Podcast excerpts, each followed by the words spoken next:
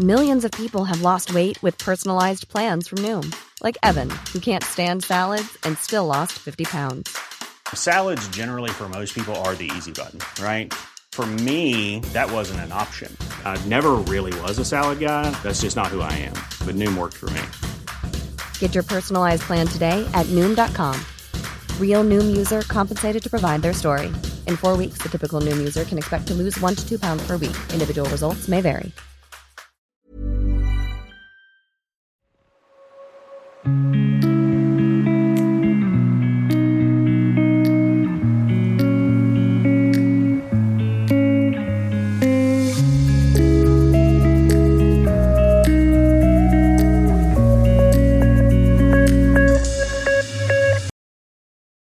vet det här med spökfilmer. Eller filmer där någon är hemsökt. Eller filmer där en person tror sig vara hemsökt. Exempelvis The Haunting of Brian Beckett. Eller The Innkeepers. Har ni tänkt på att en del av de människorna verkligen kan tolkas in som om de mår dåligt psykiskt. De kan ha en depression på gång. De kanske är inne i en psykos. Eller att de lider av PTSD. Det är några exempel som vi har kommit upp med. Och det här är ju något som jag vill att vi ska uppmärksamma. Så därför kontaktade jag en person som heter Johanna Nordin. Hon är chef för en organisation som heter Mind. Som grundades 1931 och den hette tidigare SFPH, alltså Svenska föreningen för psykisk hälsa. Och Mind har bland annat Eh, kontaktlinjer för exempelvis äldre och en självmordslinje. Samtidigt så har de även en chatt för yngre. Och allt det här byggs på volontärer. Det är alltså volontärer som sitter och tar emot de här telefonsamtalen. Och jag intervjuade Johanna som kunde berätta lite om hur Mind fungerar. Över till intervjun. Då kan du väl berätta lite om dig själv och eh, vad du har för utbildning och din roll på Mind. Ja, jo men min utbildning är egentligen att jag är sjuksköterska. Har eh, några olika vidareutbildning, eh, vidareutbildningar inom eh, intensivvård och ledarskap och har jobbat 30 år inom Region Stockholm innan jag började på Mind. Och på Mind började jag 2015 och det var ju då som chef för våra stödverksamhet. Så då höll jag på mycket med eh, eh volontärer, eh, alltifrån rekrytering, utbildning och eh, ja, ta hand om volontärer i sitt eh, uppdrag. Och vår verksamhet växte där med den självmordslinjen och äldrelinjen och föräldralinjen. Eh, så det höll jag på med i fem år. Sen så har jag jobbat som projektledare under några år och jobbat framförallt med äldres psykiska hälsa under några år men också mycket med eh, självmordsprevention. Eh, och sen från och med nu i juni så är jag chef för det team som jag tillhörde då med som kallas för kunskap och utveckling. Okay. Så vi jobbar mycket med självmordsprevention för tillfället men andra frågor som andra målgrupper, unga, äldre, föräldrar, eh, personer inom arbetsliv. Allt eh, där, där man har liksom, eh, vinklar på hur psykisk hälsa påverkas av olika saker. Okej. Okay. Innan jag börjar med själva intervjun, intervjun ska jag bara fråga, har du någon relation till skräckfilm eller skräck överlag? Eh, ja, jag funderade lite på det där. Jag är ju livrädd för skräckfilm så att jag tittar aldrig på skräckfilm själv. Eh, jag, jag, har eh, en son som bor hemma fortfarande så eh, möjligtvis så kan jag titta på det när han är med mig. Men annars är jag jätterädd för jag blir så påverkad. Eh, det läskigaste jag har sett med flit liksom, det är Stranger Things så det kanske inte ens räknas som en skräckfilm. Det ligger där i gränslandet mellan skräck och sci-fi. Men det finns definitivt skräckelement i det. Det här eh, monstren och så. Mm. The Last of Us tittade jag på eh, med min son. Och det tyckte jag var också lite läskigt med zombies och så. Men det tycker jag var en, de typerna av skräckfilm gillar jag. De som är, liksom, har en bra story och spännande. Så annars tycker jag Jag skulle aldrig våga titta på såna här klassiska bara skräck. Jag tycker inte om såna här hoppa till-effekter, då blir jag alldeles för skakig. Nej, okej. Okay. The Last of Us är ju mer en dystopisk film, så den passar ju verkligen för alla. Ja, precis. Eh, Johanna, då vill jag att du berättar lite om eh, Mind och vad det är. Mm. Eh, Mind är en ideell organisation som har funnits sedan 1931 och eh, vi, är då, vi jobbar framförallt med tre olika områden, som medmänskligt stöd och kunskap och påverkan. Så vi jobbar med att få människor att må bättre, eh, att psykiskt välbefinnande och att eh, ingen ska behöva ta livet av sig för att det är så svårt att orka leva Eh, i stort sett. Och vi har eh, en stor verksamhet med volontärer som jobbar i våra stödlinjer, så vi har över 700 volontärer, ungefär 52 anställda. Eh, och vi har kontor, ett stort kontor i Stockholm och fyra mindre kontor i Umeå, Göteborg, Halmstad och Malmö. Där själva historien, fanns det någon, finns det någon backstory om varför Mind startades överhuvudtaget? Men från början var det mer en sån här, eh, vad ska man säga, tankesmedja, kunskapsspridningsförening eh, eh som jobbade mot både psykologer, psykiatriker och eh, även mot pedagoger. Så det, det, var mycket vi gav ut tidning, tog fram kunskapsmaterial. Eh, och det var först 96 som vi startade föräldralinjen, så den eh, kom först då. Eh, sen kom eh, äldrelinjen 2004 2012 och eh, självmordslinjen började med en chatt som hette Självmordsupplysningen 2014 eller, eller kanske, det kanske också var 2012. Den fick mycket mediauppmärksamhet. Den fick jättemycket med, ja precis, för den startade ju på grund av ett självmord på Flashback. Eh, när vi, ja, när man då, jag jobbade inte där då, men eh, då man kände att det måste finnas något ställe på nätet som också kan ge hopp och inte bara liksom, för det var ganska hårda ord, många hårda ord på den här tråden som eh, till slut ledde till att den här killen tog sitt liv i princip i direktsändning. Ehm, då, då, då föddes idén till att finnas eh, som en positiv motkraft som, där man kunde mötas liksom, och prata med en medmänniska. Så att det började med en chatt, det var 2012 som det blev färdigt. Eh, och sen så 2015 så startade vi även telefon så då öppnade vi upp för telefon och chatt och dygnet runt. Eh, sen så under 2022 var det ju då, då så startade vi även livslinjen för att lite grann avlasta självmordslinjen kan man säga, men också för att möta upp de frågor som egentligen bara handlar om livets olika liksom, händelser och vad som kan ge skav på olika sätt. Eh, som, är, som, som inte är sjukdom och inte är liksom ohälsa heller kanske egentligen, utan mer bara att, nej, men, sorger och bedrövelser och, och stress och, och jobbiga situationer. Jag kan tänka mig att det var mycket om corona på den linjen då. Eller eh, det som hände efter corona. Precis, men nu har vi ju sett en ökning av att ja, många unga till exempel som mådde ganska dåligt av att, att hamna i eh, sitt eget rum med, med, studier där man hade svårare att få hjälp och inte så mycket social interaktion som viktigt. Så att det, var, det, det var ganska många unga som hörde av sig i början. Den är främst för unga just nu och den finns bara på chatt, livslinjen. Eh, men den kommer vi säkert att växla upp så småningom. Det handlar ju om resurser att få tillräckligt många volontärer att jobba där och att vi har liksom medel att både rekrytera och utbilda tillräckligt många volontärer. Okej. Okay. Inom filmer som vi tittar på, ofta de filmerna som är som handlar om folk som blir hemsökta, så har vi kunnat tolka in i stort sett i varje där, där folk har någon form av psykisk ohälsa nu för bara någon månad sedan så släppte vi ett avsnitt om The Innkeepers. Det är en liten indiefilm. Där en kvinna ser spöken på ett hotell. Bara att det är ingen annan som gör det. Och det mm. hela slutar med att ja, hon och spöket går ner i källaren men hon kommer inte ur. Så kan just en sån sak när man har någon typ av, jag skulle gissa på att hon hade en extrem depression och kanske rent vart psykotisk i slutet. Men är det den typen av samtal som ni får in? Alltså folk som mår så jättedåligt att de verkligen behöver ta det steget och ringa någon som de inte känner. Ja, alltså vi får ju så mycket samtal till eh, både livslinjen men framförallt självmordslinjen.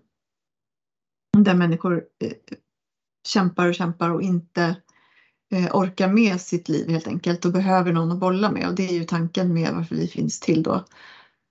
Det kan ju vara eh, för att man är deprimerad och går omkring och liksom är i ständig disk diskussion med sitt mörka jag som egentligen kanske inte alltid säger sanningen. En depression kan man säga ljuger för en för att man hamnar ju i en, situation där man inte har tillgång till alla sina funktioner helt enkelt. Så det påverkar en rent kognitivt. Ehm, och sen kan det vara så att, att man är, har väldigt mycket ångest till exempel också. Det är många som hör av sig som har ångest av och till. En del som har eh, ångestattacker dagligen eller någon lågt mullrande pågående ångest hela tiden. Det finns ju alla varianter. Ehm, men det är väl mycket det här med att man känner att det är hopplöst, att livet känns meningslöst, att jag själv känner mig värdelös. De frågorna som snurrar. Och ibland så intensivt att man också själv känner att ja, men jag orkar faktiskt inte det här längre, jag orkar inte det här. Och då är vi ju glada att man hör av sig för att det är ju också risken att man går med de tankarna själv eh, och inte hör av sig till någon. Så det är ju det brukar ju öppna upp och få ett perspektiv på saker och ting, att man får prata med någon annan och det är ju tanken med stödlinjerna då. Så jag tänker det här, du hade en föräldralinje och en äldrelinje också. Mm. Av vilken orsak ska man ringa dem? Föräldralinjen den finns ju till, den är vår kanske mest professionella linje kan man säga för där jobbar det människor som har jobbat med föräldrar och barn länge i sitt yrkesliv och sen har de eh, blivit volontärer hos oss då. Och där kan man ju få stöd i allt från hur ska jag bemöta mitt barn som eh, mår så här eller hur ska jag tänka kring relationen med mitt vuxna barn eller hur ska jag, eh, vad ska jag göra, kan det här vara någonting? Det är en råd, rådgivning mer än eh, än i de andra linjerna. De andra linjerna så är det mest liksom, medmässigt stöd. i bollar och det är din berättelse som är viktigast. Men i föräldralinjen kan det vara så att man får faktiskt, jag tycker det här låter som att du skulle behöva eh, prata med någon. Så liksom, lite mer vägleder samtalet. Eh, och det kan ju vara allt från, jag menar, man håller på att skiljas och det är jobbigt, det blir, blir mycket konflikter. Det kan vara Eh, barn och unga med neuropsykiatriska funktionsnedsättningar som har, eh, har det svårt och som man kan behöva prata kring. Det är ganska lite stöd för föräldrar i, i, eh, kring, kring barn med, med svårigheter. Eh, och barn och vuxna och för den delen också. Ehm, och, och sen allt möjligt annat liksom, när du känner osäker på din roll och ja, det, det, de är väldigt olika de samtalen också förstås. Eh, äldrelinjen, där är det ju, det är egentligen kanske man kan säga en livslinje för äldre. Det är ju ingen skillnad på de samtalen egentligen. Det är ju mer att vad händer i vardagen? Hur mår jag av det? Det kan vara mycket existentiella funderingar i slutet av livet. Att man tänker inte bara så här, vad är meningen med livet utan hur ska jag tänka kring mina sista år? Vilka relationer behöver jag liksom se över? Finns det, finns det något att göra åt trasiga relationer? Eller och man behöver bolla det med någon som inte kommer med friska tips och råd eller förminskar eller liksom jag tänker att vi som anhöriga så blir man ofta rädd när man hör saker. Men, eller, eller arg och provocerad eller bara vill inte höra på de där sakerna igen eller så. Och det, våra volontärer har ju inte den relationen, behöver inte liksom reagera själva. Det här är bara ett exempel. Om jag skulle ta en av mina anhöriga och dumpa alla mina problem på. Då dumpar man ju egentligen alla problem på den personen och så kanske den personen blir deprimerad eller tar illa upp. Är det den typen man, man kan säga att era linjer fungerar som? Ja, precis. Det, för det är ju ofta så när man är anhörig så det, det är jobbigt att höra att någon mår dåligt. Så antingen kan jag som anhörig reagera med eh, att jag blir provocerad eller arg för att jag tycker att det är liksom ja, man kan reagera så fast man inte egentligen tycker att det är fel. Att, eh, men, men vet, man, man reagerar omedvetet också. Eller att man blir bara väldigt, väldigt ledsen och känner sig eh, liksom sänkt av det man hör och har svårt att hantera det. Eh, och de där frågorna, eh, det, det, behöver man ju träna på som anhörig också. Man kan ju bli bättre som anhörig med på att, hur man reagerar. Särskilt om man har någon som ofta blir eh, liksom, som behöver prata, då, då kan man ju behöva träna på faktiskt att också försöka att inte reagera så att den andra mår ännu sämre. Man, det blir en slags växelverkan liksom. Och försöka hålla sina egna känslor för sig eh, och tänka att det kanske blir bättre om jag inte spjärnar emot här. Om jag låter den här personen berätta så kanske det faktiskt löser upp en del saker och så kanske det lättar.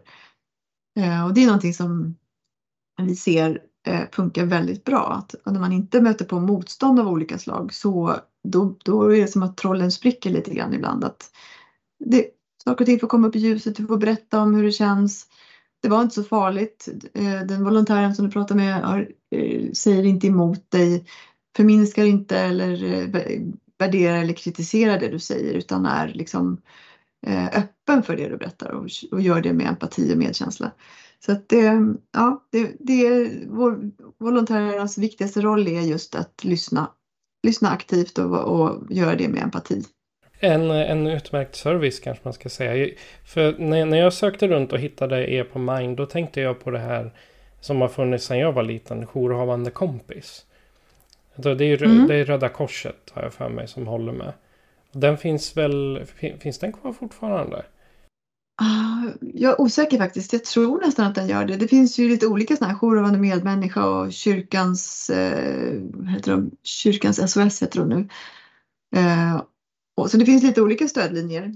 Eh, verkligen inte bara våran. Det finns ju många olika och jag tror att ganska många använder sig av samma typ av Ja men just det här med aktivt lyssnande, att det är det som är grejen, att inte ge en massa råd det finns nästan ingenting som landar sämre än oombedda råd. Exakt. Du har antagligen full koll på att du borde gå ut och röra på dig, eh, att du borde äta bättre, att du borde sova liksom, de tider som är bäst att sova. Så det är inte det som är problemet ju. Eh, det vet du redan. Det, du kanske ändå inte får till det. Men om man eh, då ska bli volontär hos er, vad, vad ställer ni för krav? Eller vad har man för krav på sig? Ja, eh, vi har en åldersgräns på 23 år så att man ska liksom ha hunnit växa upp och vara med om en del saker själv men också mogna lite i sitt eget liksom, förhållande till sig själv. Och sen så, så genomgår man en ganska ordentlig rekryteringsomgång eh, med eh, djupintervju och referenstagning och så vidare och sen får man eh, ja eller nej liksom på att vara med. Och det, det handlar ganska mycket om att man kan lyssna, inte bara eh, liksom vilja prata själv så att man hittar fokus hos den som ringer in. Inte, inte, att inte man själv vill dela massa saker hejvilt. Och det finns ju för sig också en del eh, forskning som säger att när man, när man delar lite grann så att man är, blir personlig ändå i samtalen så känns det bra. Men det handlar ju om att inte förflytta fokus till volontären så att, det, att, kunna, att kunna vara där för den som ringer in liksom. Och det är de flesta ganska medvetna om så det är inte så konstigt. Eh, men sen också vara lite mogen i att, att ha sina egna kriser lite bearbetade.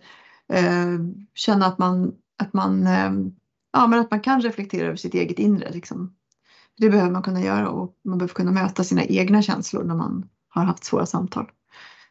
Sen får man ja eller nej då på det och sen så får man gå en ganska lång utbildning eh, som är fem fem moduler i en e-utbildning, ehm, en handbok och eh, fyra workshops tillsammans med andra i en digital workshop då, som där man får träna träna och eh, träna. Och sen när man eh, då har, har, kommit så pass långt för det är ju en, väldigt bra med en sån djup utbildning och då vet man verkligen vad man pratar om. Hur, hur funkar en arbetsdag då för ja, för dig vet jag ju ungefär hur det fungerar men jag tänker för om jag skulle vara eh, en volontär. Ja, hur, hur fungerar en sån dag? Ja men precis, vi, eh, våra volontärer jobbar ungefär fyra timmar varannan vecka.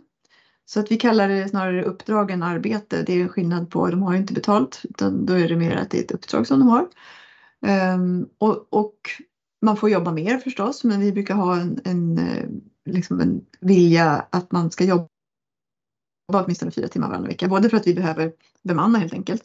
Men också för att om man gör det mer sällan så blir man lite ringrostig igen. För det är ändå ett, ett, ett uppdrag som kräver lite träning och lite eh, men att man eh, gör det lite då och då för att man ska känna att man inte blir lite sådär nervös inför nästa samtal och så.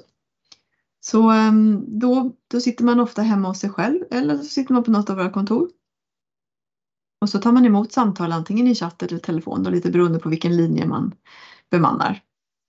Ehm, ja, så är det. Och sen så har man ehm, uppföljning tillsammans med samordnare som jobbar hos oss. Ehm, man får gå igenom lite av samtalen man har haft och liksom få lite feedback på det. Ehm, och man får också handledning i grupp eller individuellt. Och sen erbjuder vi en hel del fortbildning så att man får lära sig mer om olika saker och fördjupade kunskaper i, olika ämnen som, som är sånt som är vanligt att man träffar på helt enkelt. En, no, någonting som kan vara svårt för en volontär som ni arbetar aktivt med för just bakom kulisserna. Har det någonsin påverkat en person negativt? Ja, men absolut. Om man har liksom om man är en person som har svårt att släppa eller eh, som tänker att det, det blev ingen bra för jag gjorde inte tillräckligt mycket. Eh, då kommer man tycka att det är jobbigt. Så det, det är ju någonting som man måste jobba med hela tiden. Den här känslan av otillräcklighet och eh, att det faktiskt är ett uppdrag som är begränsat på det sättet. Att vi har, vi har ingen aning om vem som hör av sig för det är anonymt allting. Eh, du kan inte göra mer än det du kan göra i stunden. Det är precis det som är ditt uppdrag. Liksom. Men man kan ändå känna förstås efteråt att eh, vad hände där egentligen? Hur gick det med den här personen? Blev det bra eller blev det faktiskt självmordsförsök efter det här? Det, det får man aldrig veta. Så att om man, om man är, liksom, har svårt att, att eh, stå ut med den typen av frågor efteråt, då kommer man tycka att det här är jobbigt. Men de personer som som är där, de, de hinner vi ju liksom hitta innan de är framme vid sitt uppdrag i, i princip. För det är typ det som den här utbildningen går ut på då. Och intervjun. Så att om någon har mått dåligt av eh, Ja men livet går ju upp och ner också för, för även för volontärer. Så ibland kan det ju vara så att vi har volontärer som eh, har egna erfarenheter av depression och ångest och allt möjligt. Eh, och de i sitt eget mående kanske mår sämre under perioder, då kan de tycka att det är jobbigt och, och ta en paus i sitt uppdrag. Och vi har en del sådana som är eh, duktiga på att känna av hur de mår själva och som säger att nu är det en period för mig där det inte är så bra, nu kommer inte jag ta några pass på ett tag. Eh, och då, då pausar de helt enkelt ett tag och så kommer de tillbaka sen. Det är inte meningen att man ska må sämre såklart av oss, men det är därför vi har liksom både handledning i grupp och individuellt.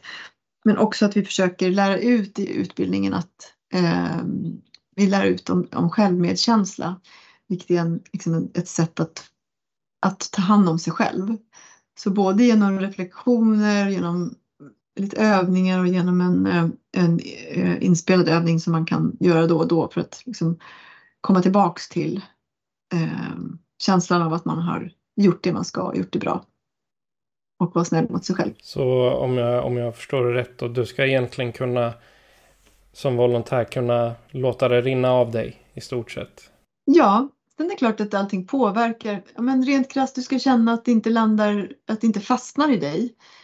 Eh, att du blir berörd är ju inte så konstigt. Det vi berör varandra när vi delar svåra saker. Det är oundvikligt. Men det tanken är att du ska kunna känna att du tar in det och att det sen får liksom lätta när du går därifrån du ska gå med lika lätta steg därifrån som du gick när du kom dit. Och det säger de flesta ändå att de snarare kanske var lite nervösa innan de kommer in och så sätter de sig och så när de går därifrån känner de att wow, liksom, jag har haft ett samtal som gjorde mig så glad.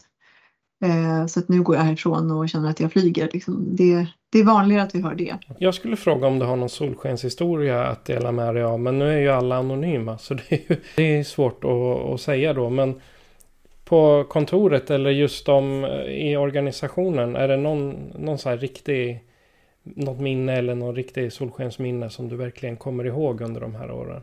Jo men eh, när jag jobbade i stödverksamheten mer ju, jag gör inte det nu, men eh, när jag jobbade i stödverksamheten så eh, var ju min mejladress såklart eh, eh, är offentlig, det är den ju med. Så då vet jag att jag fick kontakt med en person som ville mejla mig och tala om vad bra det här samtalen var. Och som också mejlade mig några gånger genom åren. Eh, som jag har följt lite grann eh, och sett att livet har vänt liksom. Och sådana saker är ju väldigt skönt för oss att få höra. Det är ju väldigt sällan det är så, men eh, den här personen har ett helt annat liv idag och mår bra och har liksom eh, jobb och, och, och, funkar och är tacksam för att de här samtalen var en del av tillfrisknandet. Liksom. Eller ta sig igenom jobbiga år. Så det kan man säga det är en så här lågmäld och långsam solskenshistoria men annars är ju en del av samtalen också sådana som börjar väldigt mörkt och slutar i ett eh, lite ljusare och hoppfullare läge. Och det, varje sådant samtal ger oss ju liksom ett kvitto på att det här är viktiga samtal som vi håller på med. Eh, en ren tanke som ni kanske har upplevt att det är lättare att prata med någon som du inte har sökt tid hos. Så kan man tänka det, för att gå till en psykolog, det är en, då vet man att psykologen bedömer dig på något ett eller annat sätt. Kan man, kan man tänka att mind är en sån typ att det är en, jag, jag går till en psykolog fast jag går ändå inte till en medicinsk psykolog. Utan han lyssnar bara på vad jag har att säga så är det bra sen. Nej, men jag tror att det finns väldigt mycket positivt med både den eh, jag heter, anonyma eh, biten. Att eh, jag kan säga precis vad jag vill utan att det liksom kommer i någon journal. Eller att jag riskerar att bli inlagd, eh, tvångsinlagd när jag inte liksom, vill det.